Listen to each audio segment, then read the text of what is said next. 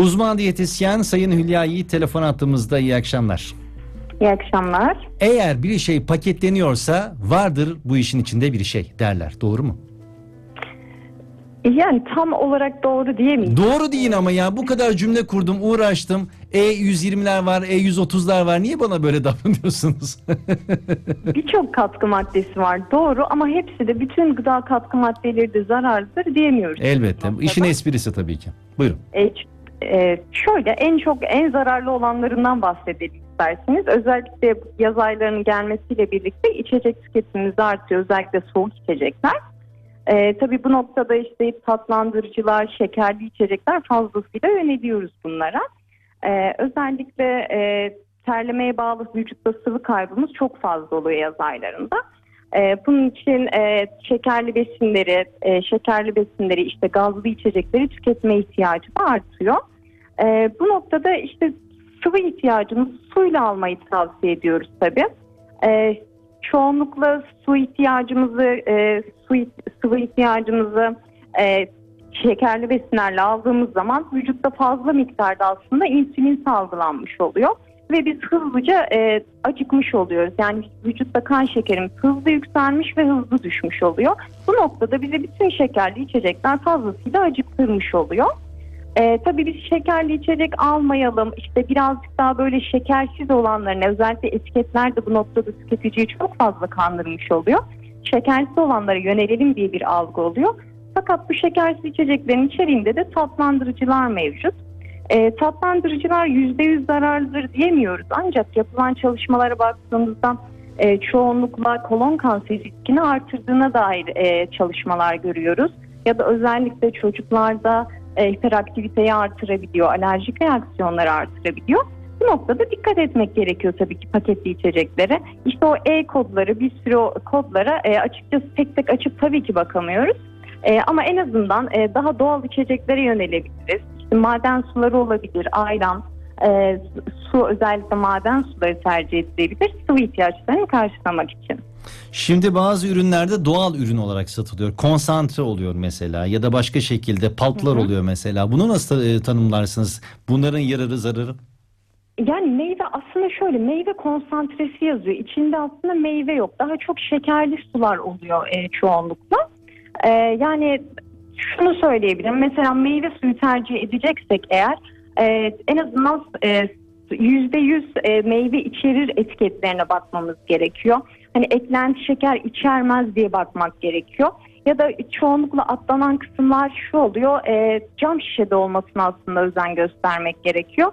Hani bir miktar daha plastik içeriğinin e, az olması da önemli bizim için. E, böyle tanımlayabiliriz. Bir de bu dönemde söz gelimi taze sıkılmış portakal suyu ya da Evet. nar suyu Hı hı. ya da işte koruk suyu derler mesela. Şimdi bunlar elbette ticari olarak pazarlanırken o anda hemen sıkıp vermek yerine belki biraz daha önce sıkılmış ürünler olabiliyor. Ne kadar süre acaba bu organizmalar sıkıldıktan sonra e, daha daha doğrusu bu ürünler sıkıldıktan sonra organizma üretmezler ve bize zarar vermezler.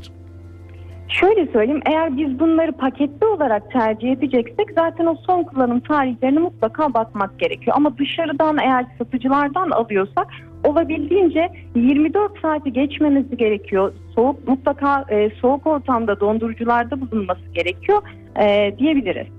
Mesela ben e, çeşitli marketlerde görüyorum ananaslar var. Hı hı. Söz gelimi ananaslar gelmiş. E, kolaylık olsun diye bir şekilde kesilmiş, soyulmuş ananaslar var. Bunların peki e, raf ömrü ne kadardır? Bunları bunları 24 saati çok geçirmemek gerekiyor açıkçası. Bir de bulunduğu ortam çok önemli. Ee, yani işte markette soğuk e, dolapta mı bulunuyor yoksa işte dışarıda güneş alan bir yerde mi bulunuyor? Bir de plastiğe mi sarılmış? Bunlar önemli ayrıntılar. Çünkü asitlikleri de değişebiliyor ve üzerinde mikroorganizma üremesi artmış oluyor. Benim tavsiyem hani 24 saati çok fazla geçmemesi. Tabii ki bunun e, şu anda porsiyon kontrolü içinde bir miktarda tabii ki ücret de devreye giriyor. O yüzden dilimlenmiş olarak satılıyor bu ananaslar, karpuzlar artık. E, yeni yeni e, girmeye başladı artık Evet. bunlar da e, sepetlere. E, bu noktada işte tarihlerine bakmak gerekiyor ve tabii ki bence e, bütün halini bozmamak gerekiyor. Tabii bu Onlar durum... biraz koruyucu kalkan oluyor çünkü meyvelerin kabukları da bizim için. E, bir de tabii şöyle bir durum var. Söz gelimi dilim karpuz ekonomik olduğu için alıyorsunuz ama acaba Evet. nasıl bir bıçakla kesildi? Temiz miydi? Üzerinde mikroorganizma var mıydı? Başka bir yere temas etti mi? Kesildiği yüzey neydi? Bunlar herhalde önemli olmalı değil mi? Kesinlikle, kesinlikle öyle. Ee, ne kadar süre bekledi, ee, işte bunu hazırlayan personel yeterince hijyenik miydi, işte çapraz kontaminasyon oldu mu? Bunlar önemli oluyor bizim için. Yine madem sizi bulmuşken soralım. E, şimdi bazen ekonomik olduğu e, için o gerekçeyle en azından vatandaşlar tabii Hı hı. bir şekilde bunu tercih etmek zorunda kalıyorlar. E, mesela çatlamış yumurta alıyorlar. Çatlamış yumurta almak ne kadar e, mantıklıdır? Kesinlikle çatlamışsa eğer kutuyu direkt aslında marketlerde bu da hani iade ediliyor. Yani çatlamışsa orada mikroorganizma üremiş olma ihtimali çok yüksek. Ee, o yüzden kesinlikle tercih edilmiyor ve birçok aslında markette bunu hani geri ödemesini de alıyor. Yani eğer e, 10 tane yumurta aldınız biri çatlaksa onu iade etmekten çekinmemeleri gerekiyor aslında tüketicilerin. E, iki tane ifade var. SKT yani son kullanma tarihi bir de TETT tavsiye edilen tüketim tarihi. Fark nedir acaba? Yani şöyle e, ta- tavsiye edilen tüketim tarihi e, besinin işte bu görünüşünün tadının daha uygun olduğu zaman dilimine te- e, dilimine tekabül ediyor. Ama son kullanma tarihi de mikrobiyal üreme olmadan hani bu tarihe kadar tüketilebilir ama son kullanma tarihinde tadının o kadar güzel olacağını garanti edemiyoruz demek aslında. E, artık Öyle tanımlayabiliriz. Evet artık havalar ısındığı için özellikle tavuk gibi çok çabuk bozulan ürünleri herhalde daha dikkatli e, depolamak, daha çabuk tüketmek belki e, önemli olacak Hı hı. değil mi? Bu konuyla ilgili Evet. neler söylersiniz? Yani tavuklara dikkat etmek gerekiyor. Yani e, tavuklar işte özellikle bu e, pakette olarak e, ton balıklarının da mesela son tüketim tarihlerine iyi bakmak gerekiyor. İçerinde çünkü vitamin içerikleri artıyor bekledikçe. Hani bu kısımlara dikkat etmek gerekiyor. E, etler aynı zamanda söz gelimi hep şunu söylerler. Eğer eti, çiğ eti bir tahtada, kesme tahtasında dilimlediyseniz lütfen Hı hı. o tahtayı bir şekilde steril hale getirmeden başka bir yiyecek, özellikle çiğ tüketilen yiyecek onun üzerine kesmeyin derler. Doğru mudur? Evet. Şöyle e, kesinlikle kırmızı etin tahtası, tavuğun tahtası ya da sebzelerin doğranacağı tahta ayrı olmalı. Çapraz kontaminasyon dediğimiz ette olan mikroorganizma, kırmızı ette olan e, tavuk etine geçebilir ya da işte biz onu sebzelere taşıyabiliriz.